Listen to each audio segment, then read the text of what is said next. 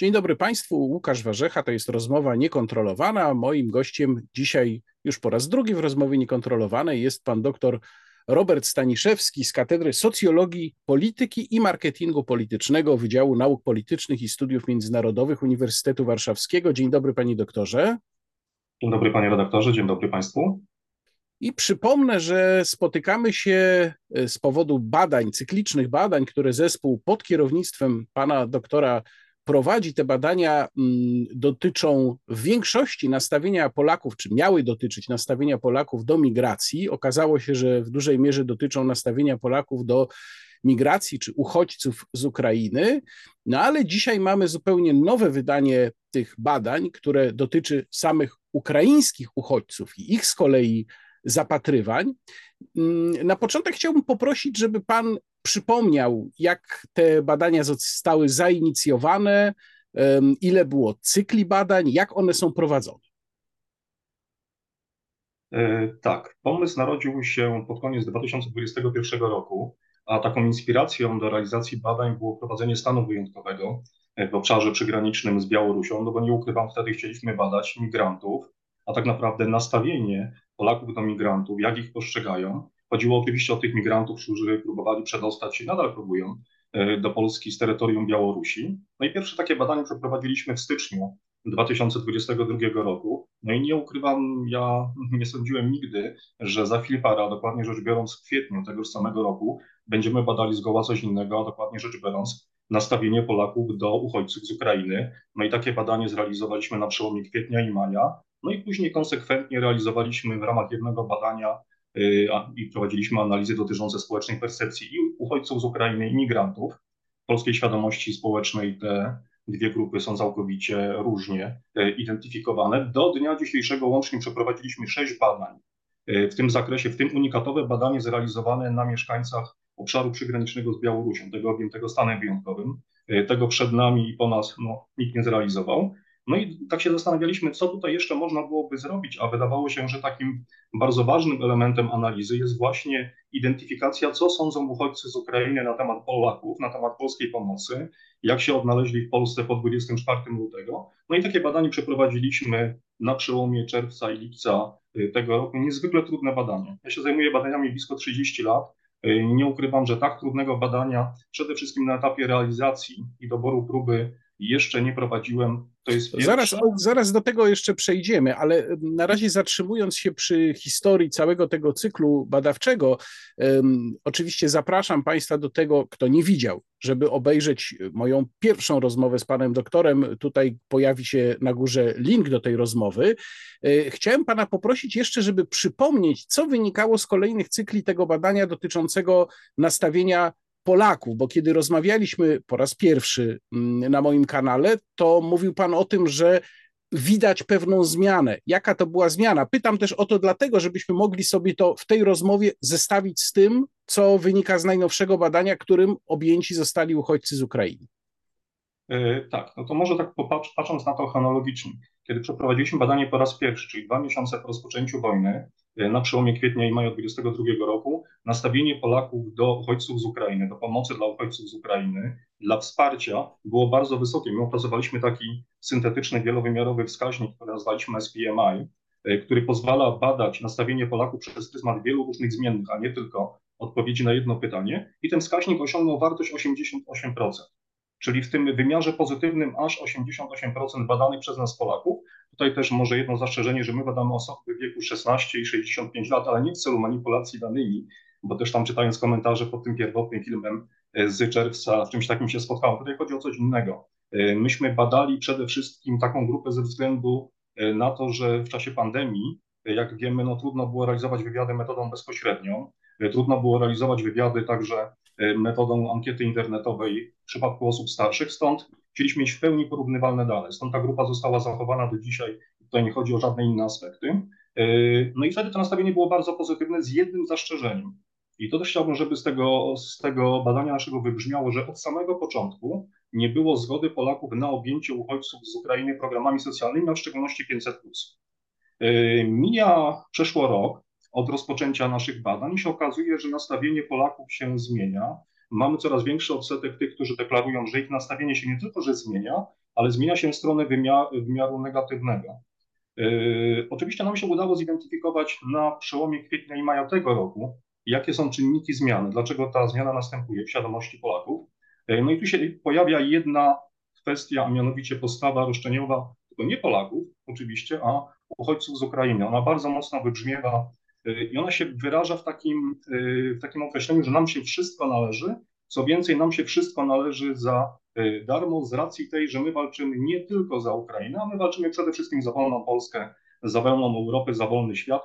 No i jeszcze oczywiście narasta brak akceptacji na programy socjalne, nie tylko 500, także na kwestie dotyczące finansowania pobytu Ukraińców w Polsce, czyli te 40 zł, y, które było wdrożone w ramach ustawy o pomocy, na to również nie ma zgody. Nie ma zgody także na jednorazowy dodatek w wysokości 300 zł. To, to się nie zmienia od samego początku wojny. To jest bardzo pozytywne nastawienie do y, objęcia dzieci ukraińskich y, możliwością uczęszczania do polskich szkół. Kiedy mówi Pan nie ma zgody, to rozumiem, że mówimy o tym, że większość wskazuje nasta tak. swoje nastawienie jako negatywne, określa swoje tak, nastawienie jako, jako negatywne. Odpowiada, od, odpowiada, odpowiada nie.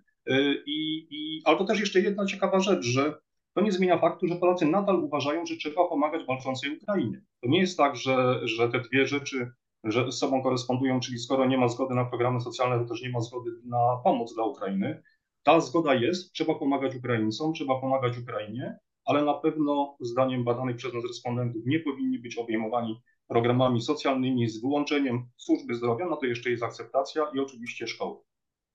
No to teraz przejdźmy do tego najnowszego e, raportu. E, czy ten raport jest już gdzieś opublikowany? Czy mogę podać do niego link w opisie filmu, czy jeszcze on nie jest publicznie dostępny? jest, jest publicznie dostępny. Mamy zawsze taką zasadę, że jeżeli już mówimy o danych, to pierwszym krokiem jest publikacja raportu łącznie z opisem części metodologicznej, tak żeby każda osoba zainteresowana mogła sięgnąć do danych pierwotnych i zawsze publikujemy te dane na stronie, na portalu ResearchGate, na moim profilu e, i tam można je znaleźć. No to tak w takim razie... wszystkich innych badań to w takim razie od razu y, mówię, że link do raportu znajdą Państwo w opisie filmu. I teraz przejdźmy właśnie do tych najnowszych badań. Proszę powiedzieć, dlaczego, pan, bo Pan już kiedy rozmawialiśmy poprzednio, już Pan podkreślał, że to będzie robione to badanie, y, czy nawet ono już było w trakcie, ale że właśnie ono jest bardzo trudne do wykonania. Z czego ta trudność wynikała? Oj, po pierwsze jest to badanie realizowane no, nie w języku polskim, tak? Mamy oczywiście Ukraińców przynajmniej z naszego badania tak wynika, około 40%, którzy deklarują, że znają język polski w stopniu komunikatywnym. E, nie zmienia to jednak faktu, że badanie chcieliśmy i zrealizowaliśmy w dwóch językach. Dominującym jest język ukraiński, e, drugi język to jest język rosyjski, e, ale też wiemy, że tutaj jest dosyć mocny konflikt wśród uchodźców przebywających w Polsce, którzy władają jednym i drugim językiem, także ten język ukraiński nie był tutaj powszechny, jeżeli chodzi o realizację tego badania, ale była taka możliwość. E, z tym się wiąże oczywiście inny element, a mianowicie kto to badanie powinien zrealizować. E, jak Państwo dobrze wiecie, w Polsce nie ma firm wyspecjalizowanych w badaniach ukraińskojęzycznych do dzisiaj. No i te badanie zrealizowaliśmy zresztą tak samo jak każdy inny projekt, przygotowując się przez wiele miesięcy naszymi studentami, przede wszystkim studentami na Akademii Ekonomiczno-Humanistycznej w Warszawie. I po przygotowaniu, po opracowaniu narzędzia badawczego to badanie nam się udało, udało zrealizować. Aczkolwiek też nie ukrywam, pomysł na dobór próby był tutaj największym wyzwaniem. Znaleźliśmy pewne rozwiązanie, pewien klucz, ale też podkreślę, że to badanie ma charakter eksperymentalny. Także my oczekujemy innych badań, innych badaczy, innych ośrodków badawczych, żeby na te nasze dane zweryfikować, żeby zobaczyć, czy one są zgodne ze stanem faktycznym, e, czy też nie. Dajemy pewne, pewne zmienne, pewną przymiarkę do takiego spojrzenia na sytuację uchodźców z Ukrainy w Polsce w połowie 2023 roku. A jak dużą próbę udało się tutaj Państwu zgromadzić, zwłaszcza w porównaniu z próbą, która uczestniczy w tym cyklicznym badaniu dotyczącym postaw Polaków? E, trzeba, trzeba pamiętać, że tutaj myśmy skorzystali z tak zwanej bazy e, ogólnodostępnej bazy PESEL-UKR. Tam oczywiście nie ma danych osobowych, a więc nie mamy konkretnych osób z imienia i nazwiska, ale mamy pełne zestawienie osób, które ten numer otrzymały i w tej bazie tych osób jest około miliona. Y, tyle tylko, że tam są również dzieci. My oczywiście dzieci badaniem nie objęliśmy, y, obejmowaliśmy tylko osoby pełnoletnie 18+, odtworzyliśmy proporcje, które w, tym bada- w tej bazie się znajdują ze względu na płeć i ze względu na wiek i łącznie przebadaliśmy 243 osoby. To jest powiedzmy jedna trzecia w przypadku badań Polaków, ale trzeba pamiętać, że w przypadku Polaków my badamy miliony osób, a nie jeden milion, stąd ta próba jest odpowiednio, odpowiednio mniejsza. Czyli można założyć, że ona statystycznie jest wystarczająca, żeby opisać nastroje tej grupy. W przyjęciu eksperymentalnego charakteru badania y, tak.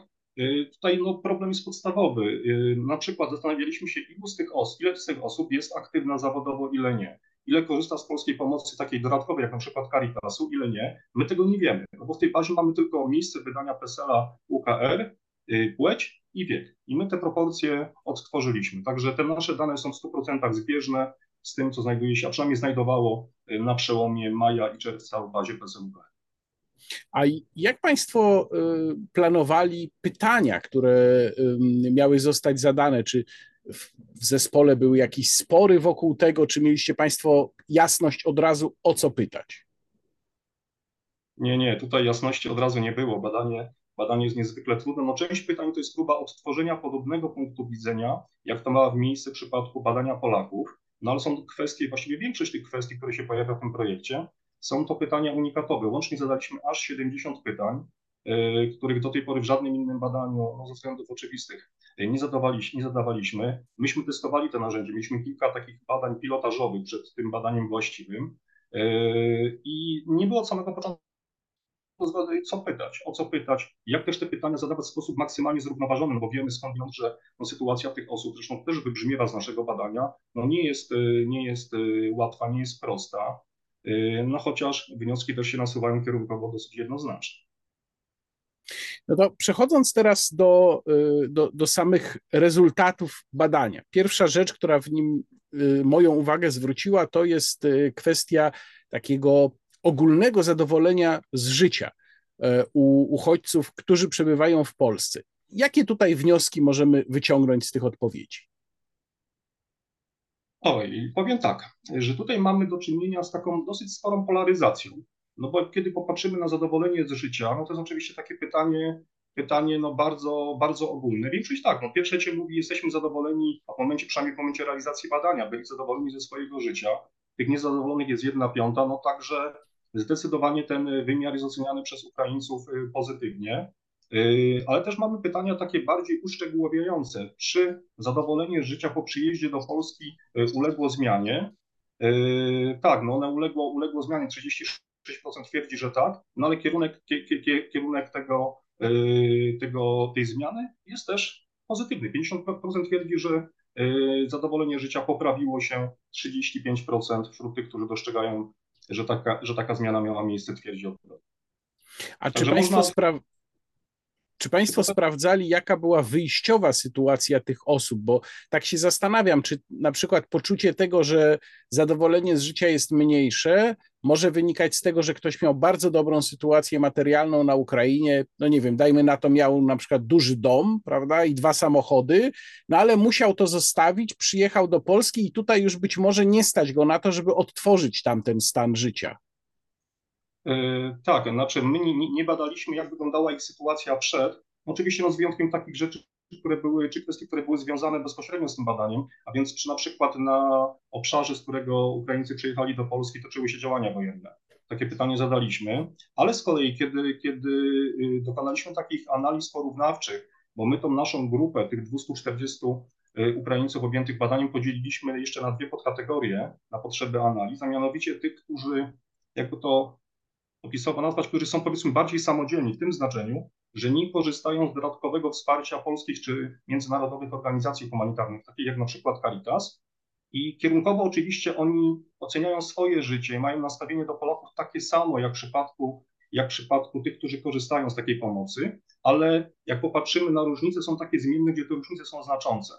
Yy, także oni tutaj dostrzegają dużo bardziej yy, mniej korzystną zmianę po przyjechaniu do Polski niż to ma miejsce w przypadku tych, którzy korzystają z pomocy społecznej. Także tutaj sytuacja w Ukrainie e, jest zdecydowanie, jest zdecydowanie taką, takim elementem, który determinuje czy ocenę zadowolenia z życia, czy także ocenę warunków życia, nastawienie, nastawienie do, do Polaków również. No bo można założyć, że ci, którzy nie korzystają z tej dodatkowej pomocy, generalnie są po prostu zamożniejsi, prawda? Tak, zdecydowanie tak, osiągają wyższe dochody, są bardziej aktywni zawodowo, prowadzą działalność gospodarczą, pracują w oparciu o umowę o pracę, czy w oparciu o umowy cywilno, cywilnoprawne. Także to jest taka grupa ludzi, którzy się, no powiedzmy, usamodzielnili po przyjechaniu do Polski. No ale też druga grupa, tylko my nie wiemy tak naprawdę, jakie są proporcje realne. Między tymi dwoma grupami to próbujemy jakoś prognozować, ale w taki sposób bardzo jednoznaczny możemy stwierdzić, że na przykład tych aktywnych zawodowo jest w polskim społeczeństwie 70%, a tych pozostałych 30%. Y, oczywiście mamy odpowiedź na pytanie, jak wygląda y, aktualna sytuacja zawodowa, no i wiemy, y, ale, ale no te, te dane mogą być obarczone pewnym błędem. No właśnie, bo skoro mówimy tutaj o aktywności zawodowej, to ja sobie też podliczyłem procenty tych, którzy czymś się zajmują, to może być również studiowanie, wyszło mi, że około 30% jest nieaktywnych zawodowo. No teraz jest pytanie, czy to jest y, proporcja, którą można odnieść do całej grupy wszystkich uchodźców, którzy przebywają w tej chwili w Polsce, czy niekoniecznie? Gdybyśmy, gdybyśmy prognozowali, no oczywiście pytanie, co znaczy aktywny zawodowo, czy do tej kategorii na przykład osoby, które podejmują pracę dorywczo będziemy kwalifikowali czy nie. Ja, ja te dwie kategorie jakby sumowałem, czyli taka najbardziej pojemna, z tej najbardziej pojemnej kategorii, gdzie mamy y, pracę stałą, pracę dorywczą, prowadzenie działalności gospodarczej, ale nie naukę, y, tych osób jest 63%, ale z kolei kiedy popatrzymy na taką stałą pracę w stałym rygorze czasu, w to wchodzą również umowy cywilnoprawne i umowy o pracę, tych osób jest 56%, czyli 44% Ukraińców nie pracuje nie pracuje systematycznie, nie pracuje stale.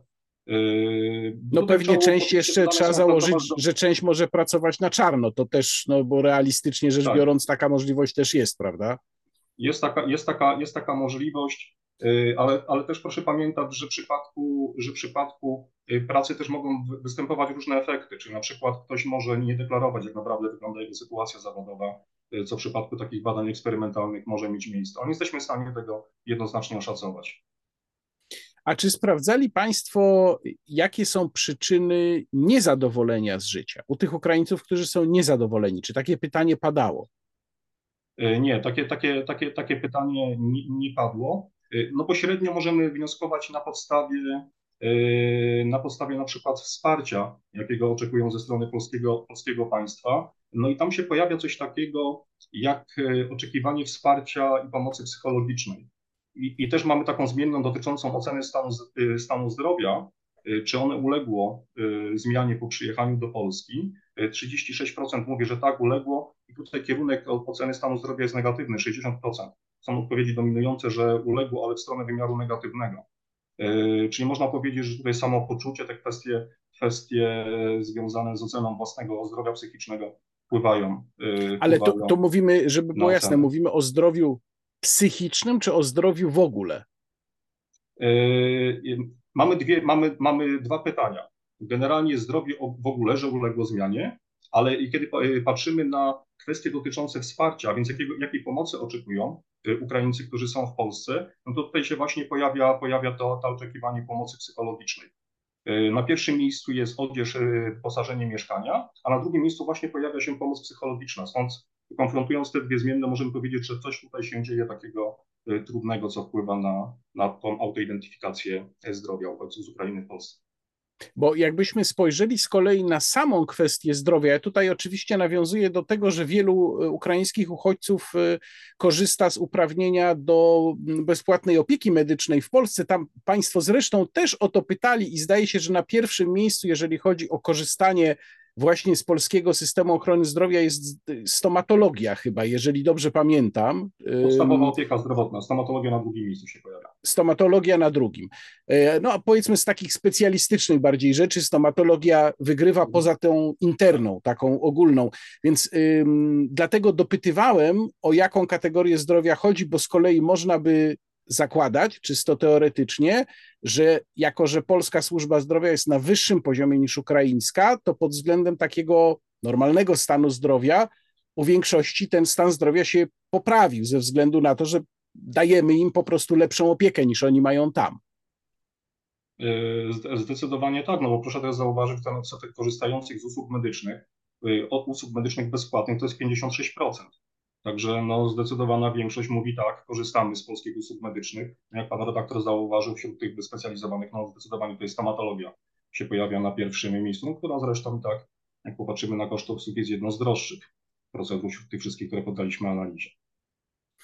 Y, jak przedstawia się sytuacja z y, oczekiwaniami Ukraińców? Tu Pan już o tym y, wspomniał, ale na razie pobieżnie, ale chyba to jest taka rzecz, którą najłatwiej zestawić z kolei z tym, co Polacy są gotowi dawać, a czego nie akceptują. A czego właśnie oczekują Ukraińcy?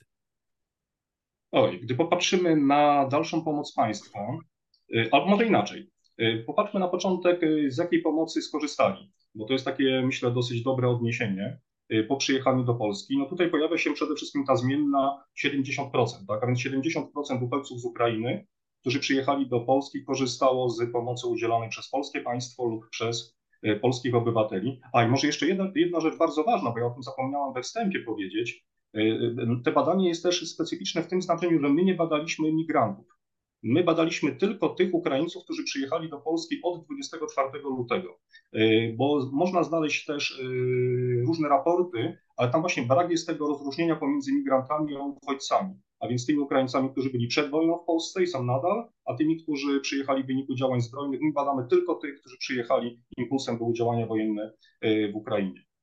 I z czego oni najczęściej korzystają? I to się dokładnie pokrywa też z tymi naszymi danymi z badania dotyczącego Polaków, odzież, żywność, środki higieny 60%, mieszkanie. Nawet ten, ten, ta zmienna jest dużo wyższa, bo 42% y, Ukraińców twierdzi, że korzysta z mieszkań, tylko mówię nie o środkach zbiorowego zakwaterowania, ale o mieszkaniach, domach, które zostały udostępnione przez Polaków. Także to jest też bardzo taka wymowna zmienna. No i pieniądze 37%.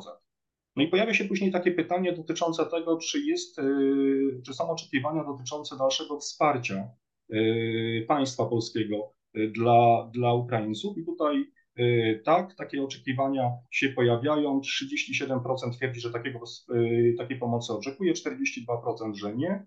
Y, odzież, wyposażenie mieszkania, takie kwestie materialne, to jest dominująca kategoria. No i druga w tej kolejności to jest pomoc psychologiczna 39%. I, i, i ta wartość jest mocno zaskakująca, bo wydawało się wstępnie, zawsze sobie oczywiście jakieś wstępnie hipotezy formułujemy, że się na przykład pojawią środki finansowe, czy tego typu elementy. Nie, okazuje się, że ta pomoc psychologiczna jest, jest e, ważna. E, no i oczywiście takim, takim jeszcze elementem, który był najczęściej wskazywany, jeżeli chodzi o dofinansowanie pobytu uchodźców z Ukrainy przez polskie państwo, to jest to jednorazowe świadczenie 300 zł, z tego skorzystało 63% badanych Ukraińców, no i świadczenie 500 plus 37%, także też taki bym powiedział dosyć, dosyć wymowny wskaźnik no to ten ostatni wskaźnik się pokrywa chyba prawie idealnie z tym, z tym odsetkiem Ukraińców, którzy oczekują dalszej pomocy e, finansowej polskiego państwa. I e, ja powiem szczerze, że to jest to, co mnie chyba e,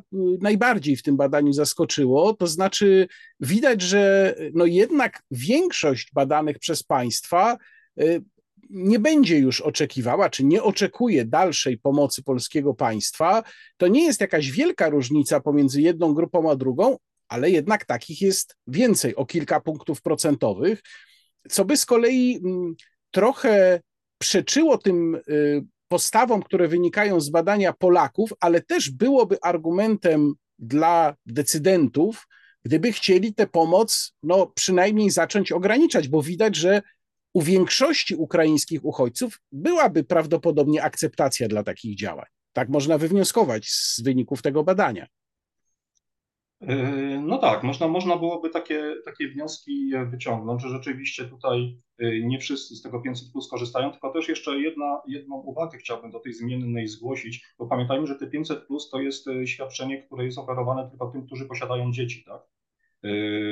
A, a, a pytanie zostało zadane wszystkim a więc jest też grupa osób, która nie ma dzieci, y, a na to pytanie no nie odpowiedziało, że tak, no bo nie ma prawa do tego świadczenia. I py pytanie jest też takie, y, a takich jeszcze analiz nie mamy, albo inaczej, mamy takie analizy w tym znaczeniu, że ma dzieci w wieku szkolnym, tak? 33%. Y, 33%, także można powiedzieć, że wszyscy właściwie, którzy mają dzieci w wieku szkolnym, oczekują tego świadczenia 500. Jakby, jakby tak patrzeć na, na, tą, na, na tą zmienną. Do ogółu Ukraińców oczywiście ten odsetek nie pokrywa się do 100%, no ponieważ nie wszyscy, nie wszyscy posiadają. Także można by powiedzieć, że jednak jest oczekiwanie Ukraińców co do tego świadczenia. Yy, ale na pewno nie ma takiej, takiej akceptacji na poziomie Polaków. To od samego początku naszych badań jednoznacznie wynikało, że Ukraińcy nie powinni być objęci programem 500+. A, a teraz ten odsetek jeszcze wzrósł. I to bardzo A co możemy, co możemy powiedzieć na podstawie mm, rezultatów Państwa badania na temat nastawienia względem Polaków? Yy, tak, kiedy popatrzymy na nastawienie do Polaków, yy, przed przyjazdem do Polski, na początku zrobiliśmy takie odniesienie Y, jak oceniali Polaków. 77% oceniało pozytywnie, negatywnie tylko 4%. Y, czy one uległo zmianie po przyjeździe do Polski? Tak. Dwie piąte twierdzi, że zmieniło się. Ten kierunek zmiany jest jednoznaczny. 85% twierdzi, że zmieniło się stronę wymiaru pozytywnego.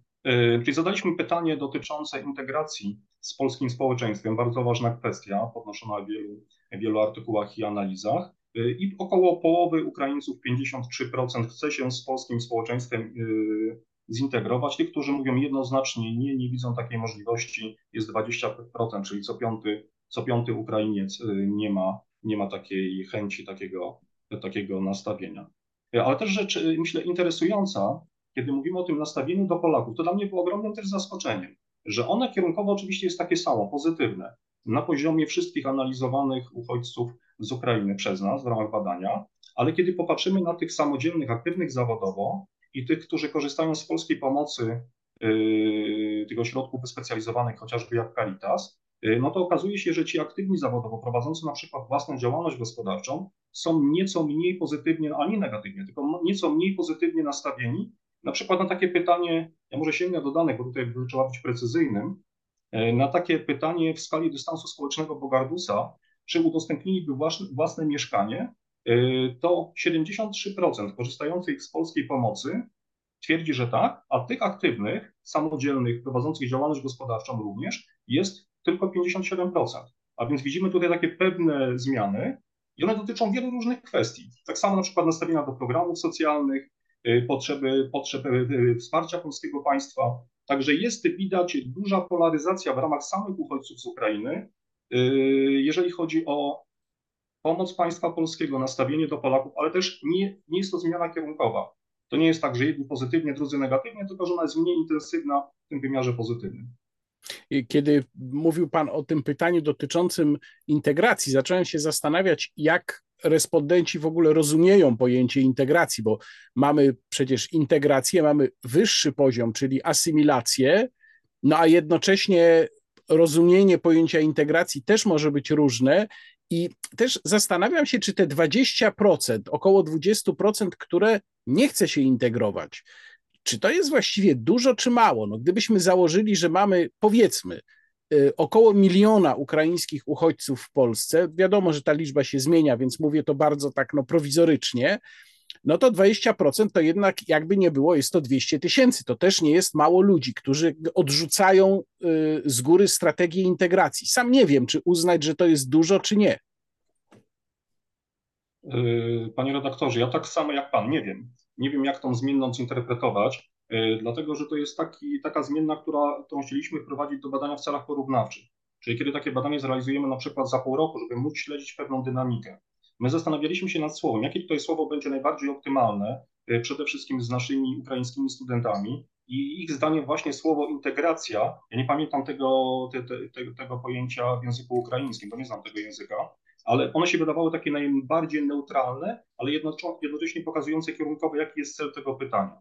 Ale czy 20% to jest dużo, czy 50% to jest dużo? Tych, którzy mówią tak, 20%, którzy mówią nie. Ja tak samo jak pan redaktor nie wiem, jak to Y, zinterpretować. Wiemy, no, że jest y, zdecydowanie więcej tych, którzy chcą się integrować. No i też pytanie jest kluczowe, co nie rozumieją pod tym pojęciem integracja. No ale już nie zadawaliśmy tutaj pytania otwartego, co rozumiesz pod sformułowaniem integracja, no bo to badanie i tak już na poziomie tych 70 pytań, które zadaliśmy, było skomplikowane, a później jeszcze analiza pytań otwartych y, no, byłaby o wiele bardziej złożona stąd. To się nie pojawiło, no ale pytanie, czy się nie pojawi w kolejnej edycji. Bo my tak z reguły mamy, że pewne rzeczy, które nam z badania wychodzą, pogłębiamy w kolejnych kolejnych badaniach. Rzecz bardzo ważna, o którą też Państwo zapytali, to jest kwestia planów na przyszłość, w tym przede wszystkim powrotu na Ukrainę po zakończeniu działań zbrojnych, bo tam takie zastrzeżenie w pytaniu się pojawia, że po zakończeniu działań zbrojnych czy po zakończeniu wojny, no to też jedno z drugim nie musi być równoznaczne, ale powiedzmy, że wszyscy to rozumieją jako zakończenie gorących działań zbrojnych. I tutaj zastanawiam się, co z tego wynika, wziąwszy szczególnie pod uwagę tę nadzieję, którą y, część polskich komentatorów wyraża, że ukraińscy uchodźcy na trwale zasilą polskie społeczeństwo. Przede wszystkim chodzi tu oczywiście o kwestie demograficzne. Czy taki wniosek w obliczu tego, co wyszło teraz z tych badań, czy taki wniosek, taka hipoteza, że to nastąpi, jest do obrony, czy nie? E, panie redaktorze, ja zwrócę uwagę na jedną rzecz, że tak naprawdę tutaj w tym pytaniu mamy też ogromną polaryzację Ukraińców. Oni do końca sami nie wiedzą, e, czy chcą, mówię oczywiście o większości, czy chcą wrócić, czy nie chcą wracać, no bo proszę zauważyć te deklaracje wrócę do Ukrainy e, po zakończeniu działań wojennych. Tak jak pan zauważył, też nie wiadomo, kiedy to nastąpi. No jest zdecydowanych połowa, niemalże połowa, 47%. Co piąty w ogóle nie wie, co chce zrobić, czy wrócić, czy nie wrócić. Yy, my też e, zweryfikowaliśmy jedną istotną kwestię, bo pojawiło się w polskich mediach takie mocne sformułowanie, że Ukraińcy chcą wyjechać również na zachód, do innych państw członkowskich Unii Europejskiej. E, okazuje się, że wcale tak nie jest. 3%, tylko 3%, 3% mówi, że chce wyjechać do innego państwa Unii Europejskiej. To jest naprawdę nie, niewiele. E, tych, którzy mówią, zostajemy na stałe co dziesiąty, ten, ci, którzy mówią, że jakiś czas 17%, czyli bardzo duża polaryzacja. Y, ta, ta szala jakby jednoznaczności, czy wracamy, czy nie wracamy, nie jest tutaj, znaczy mówię oczywiście patrząc z poziomu respondentów, y, nie jest tutaj, nie jest tutaj y, jednoznaczna. Także czy oni zasilą, czy nie zasilą, no to pozostaje otwarte. No ja myślę, że to można byłoby też korelować z tymi programami socjalnymi, bo jakby się naraz okazało, że tych programów socjalnych nie będzie, że nie będzie 500 plus, ja mówię hipotetycznie oczywiście, e, czy szerokiego wsparcia, takie, jakie ma miejsce w chwili obecnej dla uchodźców z Ukrainy przebywających w Polsce, e, to niewątpliwie wpłynie na te plany dotyczące, dotyczące przyszłości, czy wrócić, czy nie wracać. Dla mnie zaskoczeniem była jeszcze jedna ważna rzecz, no bo powroty z reguły czymś są determinowane. Ja byłem przekonany, że, bo w tym badaniu proszę zauważyć, 75% to są kobiety, tak jak, jak jest w bazie PESEL-UKR, większość kobiety do 40 roku życia. Ja nie mówię, czy młode, czy stare, bo ja sam mam powyżej 40 i też nie wiem, czy już jestem taki młody, czy nie, niekoniecznie. E, no niemniej jednak wydawało mi się, że te osoby mają na przykład e, męż, e, męża w Ukrainie albo partnera. Okazuje się, że, że nie, że tutaj dominującą kategorią są rodzice. 62%, 85% ma kogoś w Ukrainie, są rodzice, a mąż, żona to jest 21%. Także nie, nie, ma, nie ma tutaj tego, tego takiego elementu który by moim zdaniem spajał y, i pogłębiał te więzi z Ukrainą. Także ciężko powiedzieć. Zobaczymy kolejne. To też, to, też trochę, to też trochę przywodzi mi na myśl te obawy, które w wielu y, badaniach także wychodziły, obawy z kolei Polek dotyczące tego, że Ukrainki, które w większości, no to, to badanie potwierdza to poniekąd, które w większości są same w Polsce, y, będą konkurencją na rynku matrymonialnym. E, tak, no my, my w tym badaniu majowo-czerwcowym dotyczącym Polaków, a więc co Polacy sądzą, zadaliśmy takie pytanie, czy istnieje takie, e, takie, takie zagrożenie. No i tutaj rzeczywiście pojawiają się te dwa elementy, e, gdzie polskie społeczeństwo, polskie kobiety mówią, że tak, takie zagrożenie istnieje, one jest zdeterminowane zagrożeniem na rynku pracy ze strony uchodźczyń z Ukrainy i drugi element to jest zagrożenie na rynku matrymonialnym. Także te dwie kwestie wybrzmiewają Zresztą to nie tylko w naszych badaniach, i badaniach, i badaniach IBRIS-u, i badaniach CEBOS-u zrealizowanych na początku tego roku też się pojawił ten, ten element dotyczący innego, y, mniej pozytywnego nastawienia polskich młodych kobiet do 30 roku życia z wykształceniem średnim i policjalnym względem uchodźców, a tak naprawdę uchodźczyń z Ukrainy. Czy w tym badaniu jest coś jeszcze, o czym powinniśmy powiedzieć, coś istotnego? Yy, czy ja wiem? Chyba te główne elementy żeśmy scharakteryzowali. Y, może, może tutaj jeszcze takie elementy powiedzmy nie kluczowe, ale dla niektórych myślę ważne, wiara, tak? Y, czy, czy uchodźcy z Ukrainy są osobami wierzącymi? 64% przyznaje się, że tak. My realizowaliśmy teraz w sierpniu takie badanie dotyczące Polaków na wielkiej próbie powyżej 5 tysięcy respondentów taką diagnozę społeczną inspirowaną badaniami profesora Czapińskiego sprzed wielu, wielu lat. No i u nas ten odsetek osób wierzących jest zdecydowanie, zdecydowanie większy niż to ma miejsce w przypadku Ukraińców. Znajomość języka polskiego. 40% deklaruje, że komunikatywnie zna język polski. Ja myślę, że to jest też ważny element w kontekście tego pytania, które pan redaktor zadał, związanego z powrotem do Ukrainy i zostanie w Polsce. Tutaj widać, że ta znajomość jest, bym powiedział, spora. No i PESEL UKR. My oczywiście dobieraliśmy respondentów, odtwarzając proporcje z bazy PESEL UKR. On jest ważny pod kątem zalegalizowania pobytu w Polsce i oczywiście pobierania świadczeń socjalnych. 94% tych, tych osób przez nas badanych ma PESEL UKR, ma ten numer. A czy jest jakakolwiek korelacja czy związek można dostrzec pomiędzy tym, czy ktoś bywał wcześniej w Polsce, no lub chociaż był raz, znał Polskę, a tym, jakie ma nastawienie, jak odpowiada na niektóre pytania? E, nie, takich, e, takich, takich zależności nie ma, ale jest jeszcze jedno, myślę, myślę, ważne pytanie, to są transfery środków na Ukrainę. My zadaliśmy takie pytanie, czy te pieniądze, które są tutaj w Polsce zarabiane, czy w inny sposób pozyskiwane, na przykład w ramach transferów socjalnych, czy są transferowane na Ukrainę i tutaj jedna trzecia, jedna trzecia mówi, że, że tak, że te pieniądze przekazuje swoim najbliż, najbliższym, zazwyczaj właśnie rodzicom, yy, no i gdzieś tam pewnie też mężom, yy, żonom czy, czy dzieciom. Także to też jest taka ważna, ważna kwestia. Proszę jeszcze powiedzieć, jakie są dalsze plany, bo już wspomniał Pan wcześniej, że w kolejnej edycji wnioskuję z tego, że będzie kolejna edycja tego badania, czyli badania na ukraińskich uchodźcach, ale też będzie, z tego co wiem, kolejna edycja badania nastawienia Polaków, więc proszę powiedzieć kiedy, kiedy możemy się spodziewać rezultatów jednego i drugiego. E, na pewno, jeżeli coś w badaniach jest na pewno, to chcie, może inaczej, chcielibyśmy e, przeprowadzić kolejne badanie dotyczące społecznej percepcji Polaków względem uchodźców z Ukrainy w styczniu przyszłego roku, czyli 24. Dane powinny być dostępne na przełomie stycznia i lutego. I w lutym, a właściwie na przełomie lutego i marca chcielibyśmy ponownie zbadać uchodźców z Ukrainy. Także mamy takie dwa ambitne plany, projekty, ale, ale yy, te badanie dotyczące Ukraińców jest niebywale, niebywale trudne w realizacji. Jak w przypadku Polaków, my nie mamy problemu z znalezieniem respondentów, którzy chcą nam udzielać odpowiedzi, to w przypadku Ukraińców, mimo tego, że tutaj mieliśmy taki bardzo rozbudowany algorytm doboru próby, jest to, jest to niezwykle, niezwykle trudne. Takie są plany, czyli badanie styczeń Polacy i uchodźcy z Ukrainy w lutym, lutym, marcu. W takim razie ja od razu już zapraszam na kolejną rozmowę niekontrolowaną, zapraszam Pana do kolejnej rozmowy niekontrolowanej po tym, jak ukażą się następne rezultaty badań. Odstęp, jeżeli dobrze pamiętam, z badaniami dotyczącymi postaw Polaków będzie mniej więcej półroczny, trochę więcej niż pół roku, tak, prawda? Dokładnie, taki przyjęliśmy sobie algorytm, żeby mniej więcej co 6-7 miesięcy w celach porównawczych na takich samych dokładnie próbach, przy tych samej metodologii, przy tych samych pytaniach problematykę weryfikować. A myślę, że te dane mogą być niezwykle interesujące, bo jak Państwo dobrze wiecie, ta sytuacja, mówimy z połowy września, sytuacja w otoczeniu się zmienia, zmieniają się przekazy medialne, pojawia się kwestia chociażby dzisiaj dotycząca zboża i pewnych działań, które Ukraińcy w związku z tym podejmują. I, no i mamy przede wszystkim wybory w Polsce.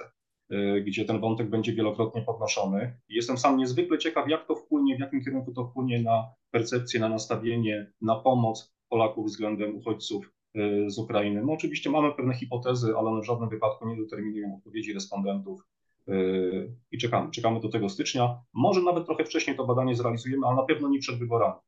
Nie chcemy tutaj, żeby wybory były takim głównym determinantem, ale one oczywiście będą wpływały na, na wyniki tego badania. Bardzo dziękuję za dzisiejszą rozmowę i od razu w takim razie zapraszam już na następną do rozmowy niekontrolowanej. Moim gościem był pan dr Robert Staniszewski z Uniwersytetu Warszawskiego. Dziękuję panie doktorze. Dziękuję panie redaktorze, dziękuję państwu. A to była rozmowa niekontrolowana. Łukasz Warzecha, kłaniam się i do zobaczenia.